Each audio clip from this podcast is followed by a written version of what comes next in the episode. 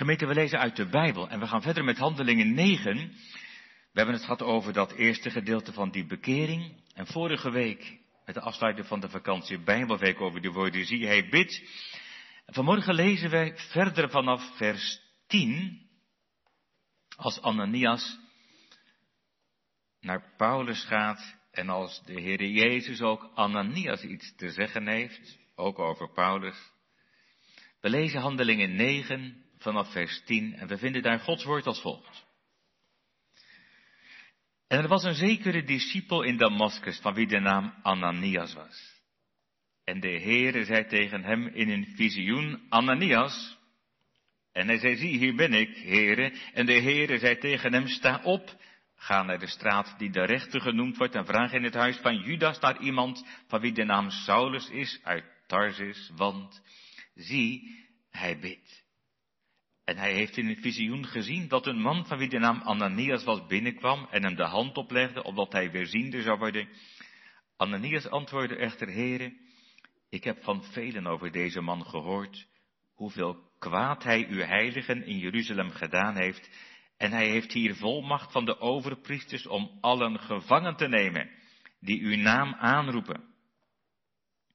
Maar de Heere zei tegen hem, ga, want deze is voor mij een uitverkoren instrument om mijn naam te brengen naar de heidenen en de koningen en de Israëlieten, want ik zal hem laten zien hoeveel hij moet lijden voor mijn naam.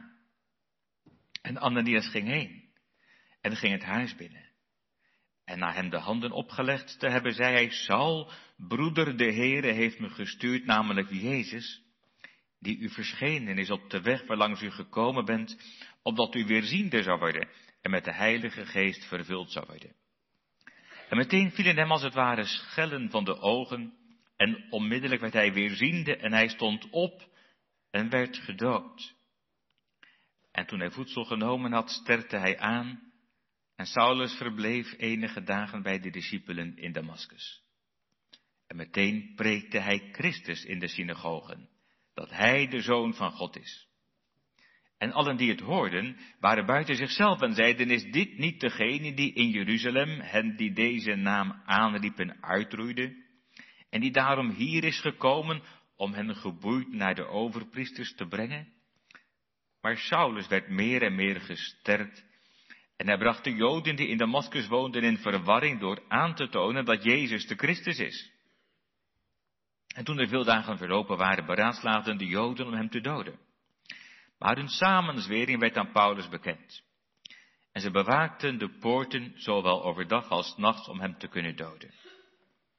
Maar de discipelen namen hem s'nachts mee, lieten hem door een opening in de muur neer, door hem in een mand te laten zakken. Toen Saulus nu in Jeruzalem gekomen was, probeerde hij zich bij de discipelen aan te sluiten. Maar ze waren alle bevreesd voor hem, want ze geloofden niet dat hij een discipel was.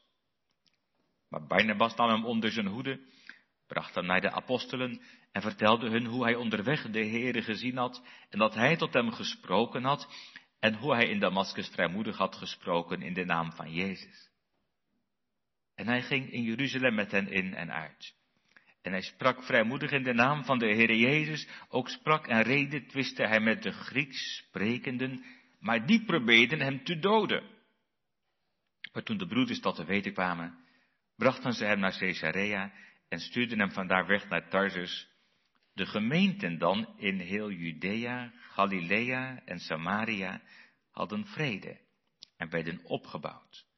En ze wandelden in de vrezen des Heren en de vertroosting door de Heilige Geest en namen in aantal toe. De tekst voor de preek is vooral vers 16. Dat zijn die woorden waar staat, want ik, en dat is de Heer Jezus, want ik zal hem laten zien hoeveel hij moet lijden voor mijn naam. En het thema voor de preek is lijden om Jezus wil. Lijden om Jezus wil. Lijden om Jezus wil. Handelingen 9, vers 16. Ik zal hem laten zien hoeveel hij moet lijden voor mijn naam.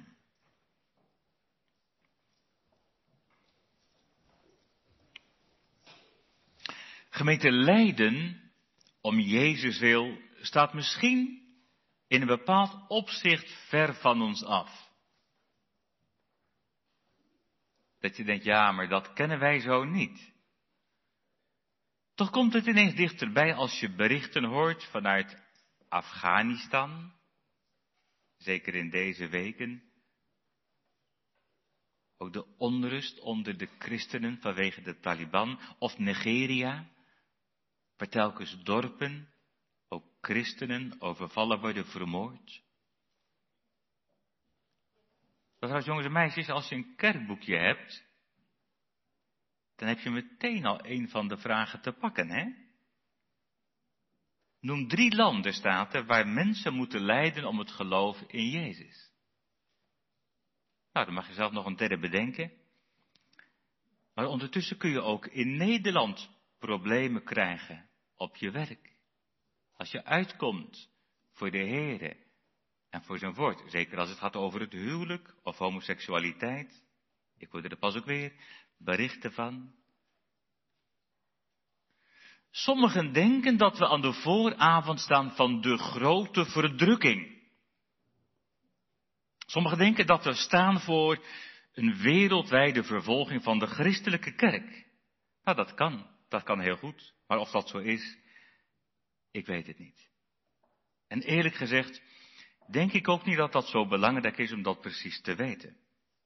Veel belangrijker is iets anders. En ik zal zeggen waarom. Want ik heb in mijn korte leven al zo vaak zogenaamde profetieën over dit soort dingen gehoord. Dat als ik daarop af had moeten gaan, dan had ik er geen een meer geloofd. Daar zou ik zo aan de Bijbel gaan twijfelen. Maar het is meestal een probleem wat mensen in die Bijbel stoppen, in plaats van dat het in de Bijbel staat. Dus wees daarin nuchter. Maar, maar wat wel belangrijk is, wat we hier horen. Hier gaat het over de apostel Paulus. En Paulus krijgt niet precies te horen wat hij allemaal mee zal maken. Maar hij wordt wel voorbereid op lijden. Dat is wel zaak, dat we ons voorbereiden op lijden. En hoe dat zal zijn, dat weet ik ook niet. In de tekst staat het zo dat de Heer Jezus over Paulus zegt, ik zal hem laten zien hoeveel hij moet lijden voor mijn naam. En dat is een belangrijke les voor Paulus, 2000 jaar geleden. En de kerk heeft daar heel wat verdrukking meegemaakt.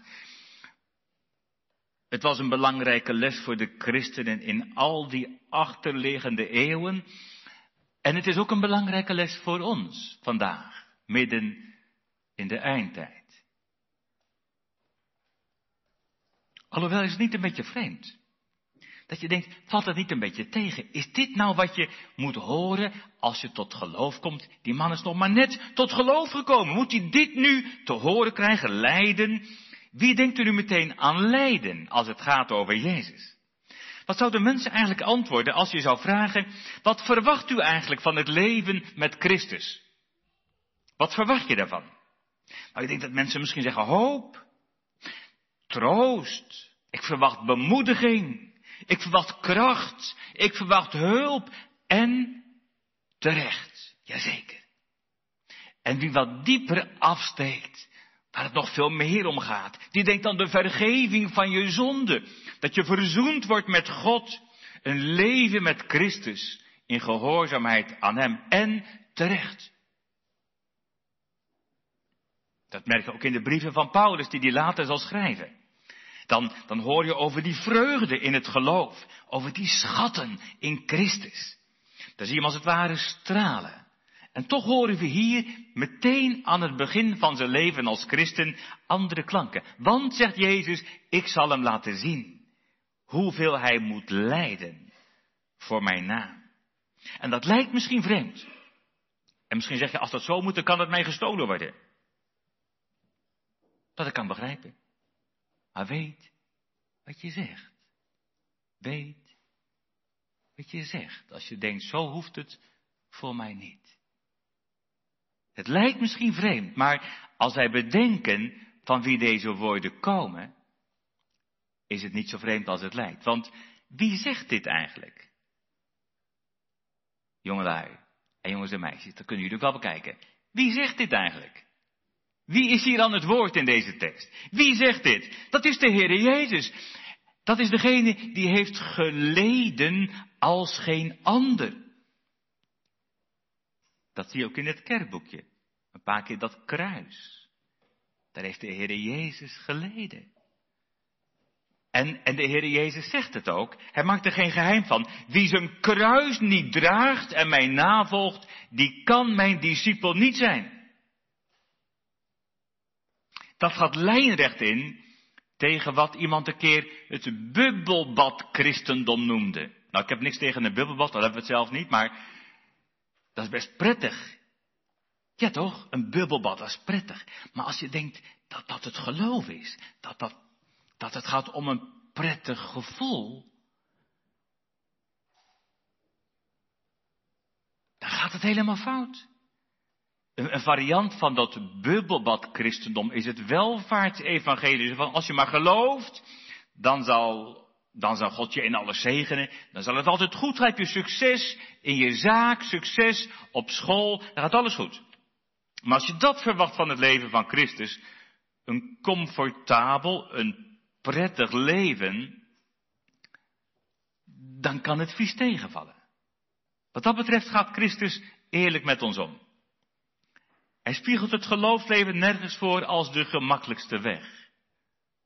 Hij zegt strijd om in te gaan door die nauwe poort. Het is die smalle weg naar het leven. De brede weg naar het verderf. Nergens doet Christus alsof een christen immuun is voor lijden, voor ziekte, voor tranen, voor overspannenheid voor psychische problemen, voor de dood.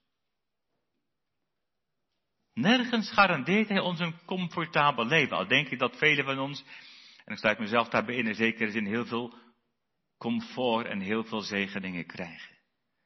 Maar dat is niet wat ons wordt gegarandeerd. Wat doet de Heer Jezus wel? Hij raadt ons aan om de kosten te overrekenen. Dan gebruikt hij het voorbeeld in Lucas 14 van een torenbouwer. Daar zegt hij, als iemand een toren gaat bouwen, dan gaat hij niet zomaar bouwen. Want wie weet, in de kortste keren is het geld op, of de steen is erop, en dan kan hij niet meer bouwen. En dan blijft dat er half afgebouwd staan, en dan wordt hij uitgelachen. Hij is wel begonnen, maar er is niks van terechtgekomen. Dan zegt de Heer Jezus, nee, dan moet je van tevoren de kosten overrekenen en het materiaal verzamelen. Met andere woorden, weet waaraan je begint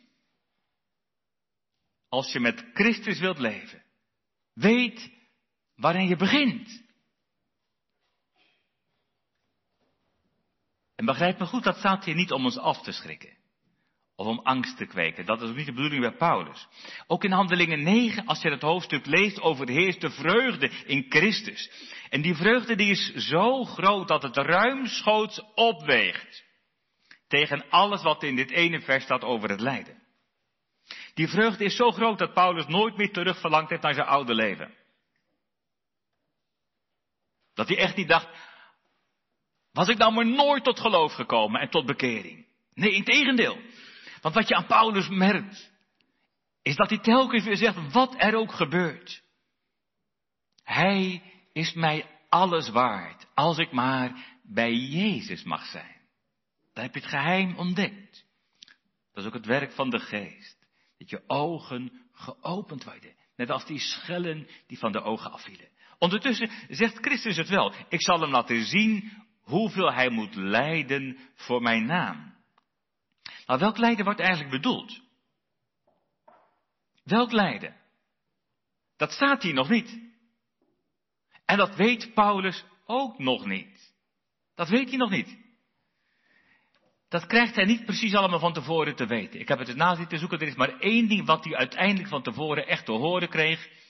Dat was vlak voordat hij werd gevangen genomen in Jeruzalem. Toen was er een profeet die dat vertelde, maar toen wist hij het zelf al wel.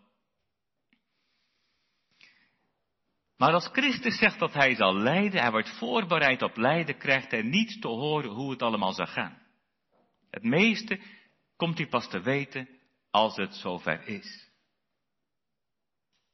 Wij zijn nogal eens nieuwsgierig. Wij willen graag precies weten wat we nog allemaal zullen meemaken. En wat ons staat te gebeuren. Ook de kerk in Nederland en ook de wereldwijde kerk en ons eigen leven. En sommige christenen springen daar gretig op in. Dat doen ze alsof ze precies weten hoe ver het in de eindtijd is en wat er allemaal gebeuren zal. Maar laat je niet misleiden. Wees liever nuchter en waak. Waak en bid. Paulus krijgt het doorgaans pas te zien als het zover is. En het gaat altijd anders dan je van tevoren denkt. Maar in Handelingen leren duurt het niet lang. Het eerste lijden hebben we al gelezen. Het eerste lijden komt, komt van de kant van zijn oude vrienden. Paulus had vrienden bij de elite in Jeruzalem, bij het Sanhedrin, bij de hoge priester. Maar als ze horen van zijn bekering en dat hij nu Christus verkondigt, dan is het gauw gebeurd met die oude vriendschap. Zijn oude vrienden laten hem vallen als een baksteen. Nou, dat kan ook zijn als het vrienden in de wereld zijn, dat ze je laten vallen als je niet meer meedoet. Dat doet pijn. Dat doet pijn.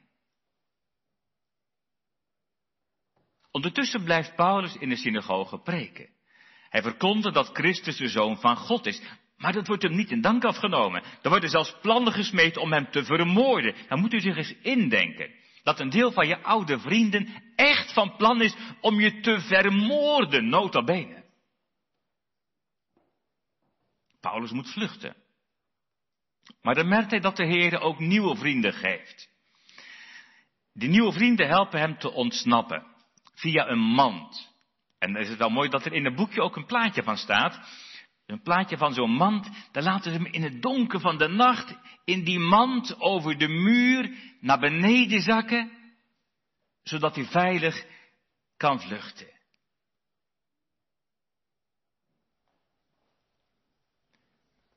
Maar dan zien we een heel andere vorm van lijden om Jezus wil. Een heel ander iets wat we niet zouden verwachten. En wat Paulus ook niet had verwacht, want wat zou hij hebben gedacht? Dan komt hij in Jeruzalem en dan vertelt hij dat hij de Heer Jezus heeft leren kennen. En dat hij bij hem wil horen en hem wil dienen. En dan denkt hij, ze zullen, wij, ja, ze zullen met open armen mij ontvangen. In Jeruzalem, dat, dat, dat ik nu bij hen hoor. Maar dat valt tegen. Ze vertrouwen Paulus niet en ze geloven er niks van. En ze trekken zijn bekering in twijfel. In vers 26 staat dat. Nou, dat doet pijn. Dat doet pijn. Dat is lijden aan je eigen broeders en zusters. Ze geloven hem gewoon niet. Ze zeggen, dat zal wel niet echt zijn bij die man. Dat kan toch niet. En toch heeft de Heer ook dan een vriend die het voor hem opneemt, Barnabas. Die geeft een goed getuigenis van Paulus, vers 27 en 28. En dan is het jaren later, want er gaan echt heel wat jaren van voorbereiding aan vooraf, als Paulus wordt uitgezonden op de zendingsreizen. En die zendingsreizen betekenen ook weer een nieuwe vorm van lijden. Het vraagt offers, zendingswerk, van degenen die gaan, van degenen die achterblijven. Je moet alles achterlaten. In een vreemde omgeving, een vreemd land, een vreemde cultuur.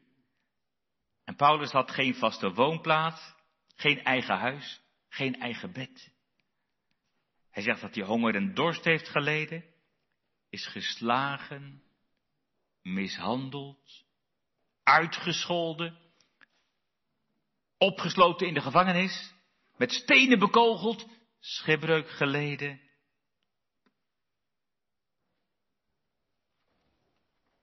En dan is voor jullie jongens en meisjes, er staat een tekst bij, hè? Wat heeft Paulus geleden? Moet je maar eens opzoeken. Wat er staat in 1 Korinthe 4, vers 9 tot 12. Een andere tekst is 2 Korinthe 11, vers 24 tot 28. Dus 2 Korinthe 11. Daar vind je voorbeelden van Paulus, wat hij meegemaakt heeft. Nou, zulke ontberingen hoeven zendingswerkers tegenwoordig doorgaans niet te ondergaan, al hoeven we het echt niet te onderschatten wat ze soms meemaken. Maar je hoort tegelijk de vraag, die ik ook vanmorgen stel. En die ik trouwens ook in het plaatje van de, van de GZB zag terugkomen. Wie is er vandaag bereid om te lijden, dat we zeggen ook om te gaan, om het evangelie van Christus te delen met anderen? Wie is vandaag de dag bereid om te gaan, ook in het zendingswerk? Een heel andere manier van lijden is het lijden wat Paulus verwoordt aan zijn eigen volk. Het heeft hem heel veel pijn gedaan dat zijn eigen volksgenoten Christus hebben verworpen. En die pijn die begrijp je misschien wel als je, als je weet van anderen die de Heer Jezus verwerpen. Misschien wel je eigen vlees en bloed. Als ze niet van hem willen weten, of misschien zeggen, nou ja, eh, laat maar het midden. Maar als ze hun hart verre houden van hem, dat doet pijn. Vooral als je om ze geeft. Dat doet pijn als je met dat een ander Christus verwerpt. Paulus zegt zelf, dat is een grote bron van droefheid voor mij. Een voortdurende smart in Romeinen 9. En dan zegt hij zelfs, ik ben wel bereid om zelf vervloekt te worden. Als mijn broeders en zusters maar behouden worden.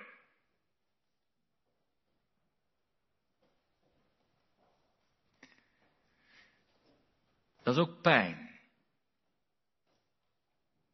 Pijn als mensen die je lief zijn, Jezus verwerpen. Nog pijnlijker, op een heel andere manier, zijn de verdachtmakingen in eigen kring. Voor ons is Paulus een gevestigde autoriteit. Hij is een apostel, daar kom je niet aan. Nou ja, alhoewel, als je kijkt wat er soms over Paulus wordt gezegd, maar dat terzijde. Maar in zijn eigen dagen heeft hij te maken met verdachtmakingen in eigen kring. Na de eerste zendingsreis komen de negatieve praatjes over Paulus. Hij zegt dat is een lichtmuts. Hij zegt zomaar dat je niet besneden hoeft te worden.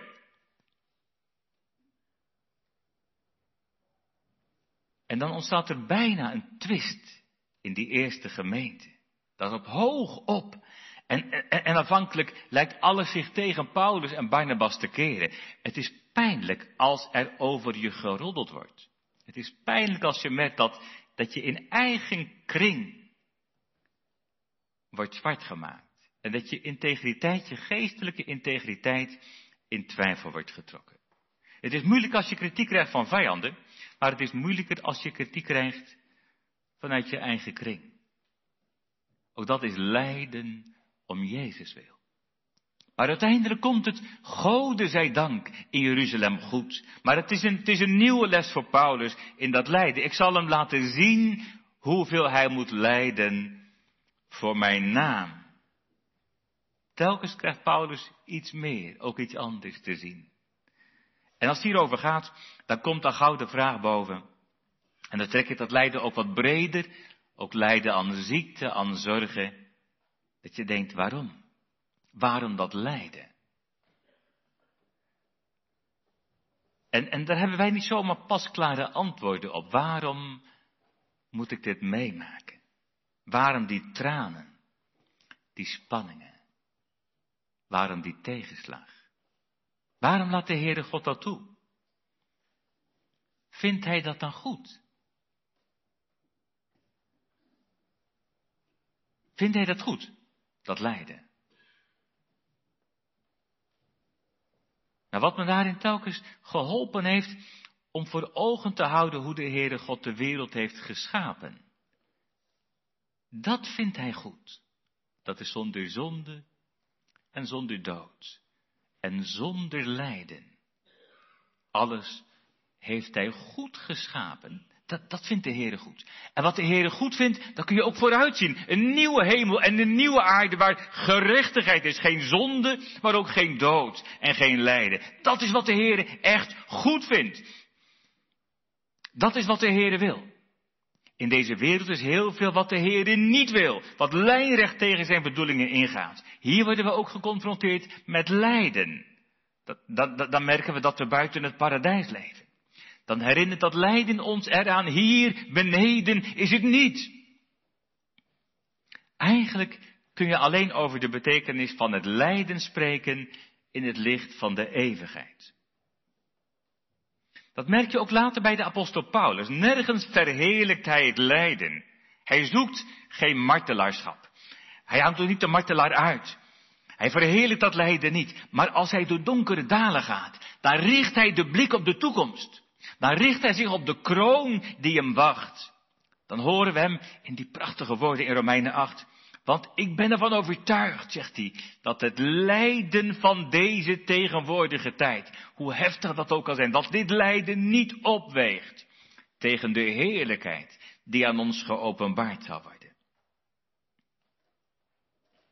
Dus dan plaats je het in het perspectief van de hoop op straks, de heerlijkheid en de kroon. Ja, zeg je, maar zie je dat dan altijd als je het moeilijk hebt? Als je met tegenslag te maken krijgt? Of als je in zak en nas zit? Dan, dan, dan, dan staat er soms zoveel van je af. Dan fluistert de duivel in, zie je wel, zie je wel dat God tegen jou is. Zie je wel dat God niet van jou wil weten? Want anders had hij je toch wel beschermd, had hij je toch wel bewaard, had hij dat toch niet laten gebeuren. En dan denk je, zie je wel dat God tegen mij is. Maar merkt u hoe de tekst dat als het ware omdraait? Want als Paulus met lijden te maken krijgt, is dat geen bewijs dat de Heer tegen hem is. In werkelijkheid is dat lijden juist een bevestiging van zijn roeping. Je kunt het ook noemen een bevestiging van zijn kindschap van God. Een bevestiging dat hij echt een kind, maar ook een knecht van God is. Ik denk aan de Hebreeënbrief. U kent die woorden wel. Want de Heere kastijdt wie hij lief heeft. Dan zou je verwachten, hij straft aan wie die een hekel heeft. Nee, hij straft, bestraft, en dan gaat over de vermaning, de vaderlijke vermaning, wie hij lief heeft. Hij geestelt iedere zoon die hij aanneemt. En als je erover nadenkt, is er maar één ding wat uiteindelijk echt helpt. Dat is het te zien op Jezus. Want in de Heer Jezus zie je wat het allerergste lijden is. Niemand heeft geleden zoals hij. En als de Heer Jezus aan het kruis hangt, dan zeggen ze ook, zie je wel dat hij het niet is? Zie je wel dat God hem niet wil? Zie je wel dat God tegen hem is? Wat zal dat door merg en been gegaan zijn? En toch wist Jezus dat het leugens waren. Want hij is vaders liefste. Hij is vaders enige geboren zoon. Als Ananias bij Paulus komt, dan weet Paulus nog niet wat hij zal meemaken. En dat krijgt hij ook niet allemaal te horen in één keer. Maar hij wordt voorbereid op lijden. Daar hoef je niet naar te verlangen. Daar hoef je niet om te vragen. Dat heeft Paulus ook niet gedaan. Dat heeft zelfs Jezus niet gedaan. Hij bad zelf dat die drinkbeker van die toorn van God zou worden weggenomen. En toch, en dat is iets, iets anders wat ik wel wil noemen. Toch merk je juist bij de apostel Paulus dat het lijden een bijzondere verbondenheid geeft met de Heere Jezus. Met de man van smarte. Dat het lijden een bijzondere verbondenheid geeft met Christus. Hij zegt het later in Filippenzen 3, dat verlangen, opdat ik Hem kenne, om meer van Hem te kennen. En dan noemt hij twee dingen de kracht van zijn opstanding, maar ook de gemeenschap met zijn lijden. Dus dan zegt hij eigenlijk dat hij meer wil ontdekken van de gemeenschap met zijn lijden, de verbondenheid met zijn lijden. Omdat het op een bijzondere wijze aan Christus verbindt. Hem meer leren kennen, ook meer leren van zijn lijden. Ik heb dat in het pastoraat vaak gemerkt. Als je komt bij gemeenteleden die een leidersweg moeten gaan, dan merk je nog eens dat het lijden van Christus meer dan anders een bijzondere betekenis voor hen krijgt. Dat is niet vanzelfsprekend. Want de leidersweg kan je ook verharden. Kan je ook de vuisten doen ballen. Dat is het werk van de Heilige Geest. Die je ontvankelijk maakt voor het lijden van Christus. Hij laat het lijden van Christus voor je leven. Ook steeds meer, ook als een verdieping in het geloofsleven.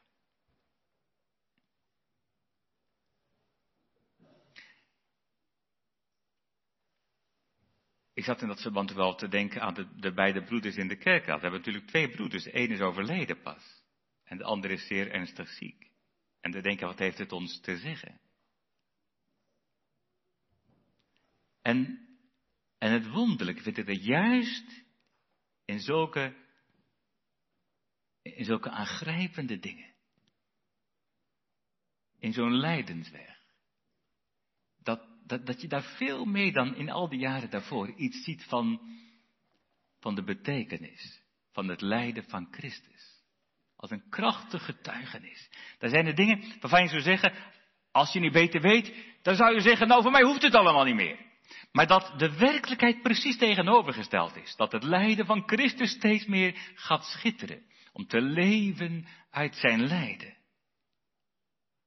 Je hoort het ook in getuigenissen uit de vervolgde kerk. Het is de moeite waard om dat te lezen. In die bladen van de ondergrondse kerk of van Open Doors. Dan, dan, dan, dan, dan hoor je vaak dat juist als ze worden bedreigd, als ze worden gemarteld, of als ze worden gevangen genomen, dat juist dan het lijden van Christus een bijzondere bron van troost is. Paulus noemt dat de gemeenschap met het lijden van Christus. En als Paulus het daarover heeft, ook dat andere, de kracht van zijn opstanding. Dat is het geheim van het lijden van Christus. Je vindt in dat lijden die opstandingskracht. Want ik zal hem laten zien hoeveel hij moet lijden voor mijn naam.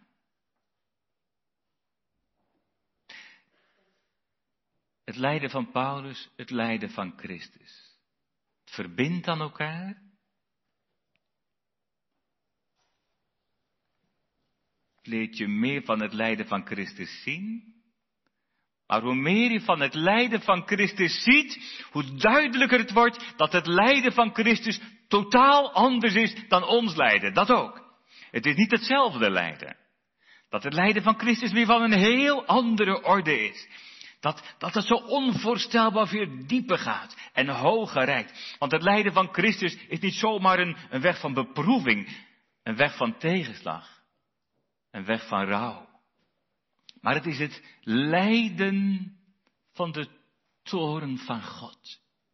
Het is die drinkbeker van de toorn van God. Het was niet over zijn, maar over onze zonde.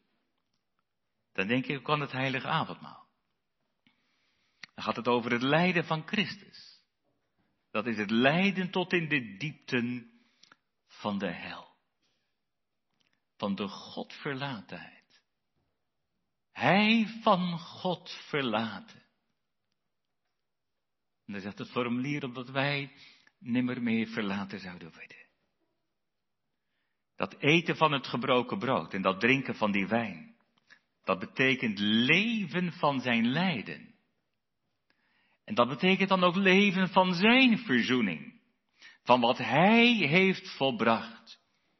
En daar is, daar is van ons helemaal niks bij. Dat is dat helemaal alleen wat hij heeft gedaan. Niets van mij, alles van hem. Hij voor mij. Niet wij samen, nee, dat heeft hij echt gedaan voor mij.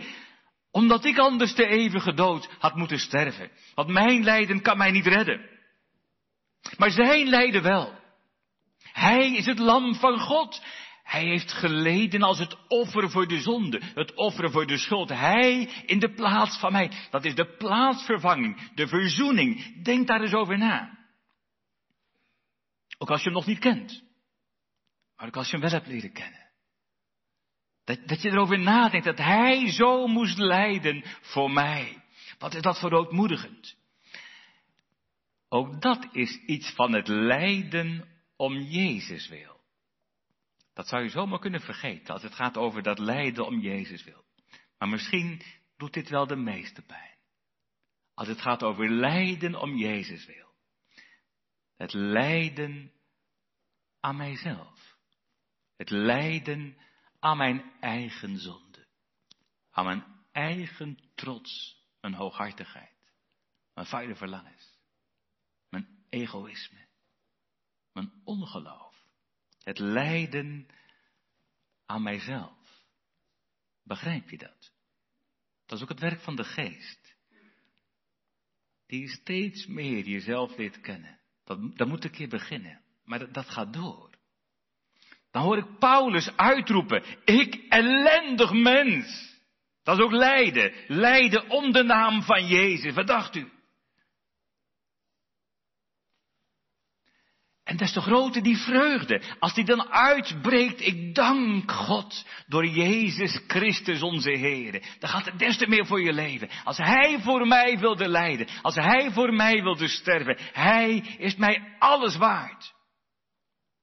Want ik zal hem laten zien, zegt Christus, hoeveel hij moet lijden voor mijn naam. Ja, ja, wat zou Paulus eigenlijk denken als hij dat van tevoren te horen krijgt? Wat denken wij ervan als we dat te horen krijgen vanmorgen? Hoe reageer je dan? Misschien onverschillig dat je denkt, nou ik zal wel zien, of het kan me niks schelen, of ik zorg wel dat het mij niet gebeurt. Ik heb er geen zin in, dacht u dat ik dat, ik dat wil? Nou, laat maar zitten. Maar beseft u wat je dan laat zien? Dan sta je er nog buiten. Dan heb je Jezus nog niet nodig. Dan heb je hem nog niet lief. Laat je met God verzoenen. Je kunt ook bang worden van zo'n tekst. Dat je bang wordt, dat je denkt, wat zal ik allemaal meemaken? Dat je zo krampachtig bezig bent met alle dreigingen van de wereld en wat er gebeurt en dat je helemaal verkrampt in je angst. Zo raak je het zicht op Jezus kwijt. Want Jezus maakt Paulus en ons niet bang voor wat we mee zullen maken. Hij wekt juist vertrouwen op Hem. Hij verlost juist van de angst. Je kunt ook heel zelfverzekerd reageren.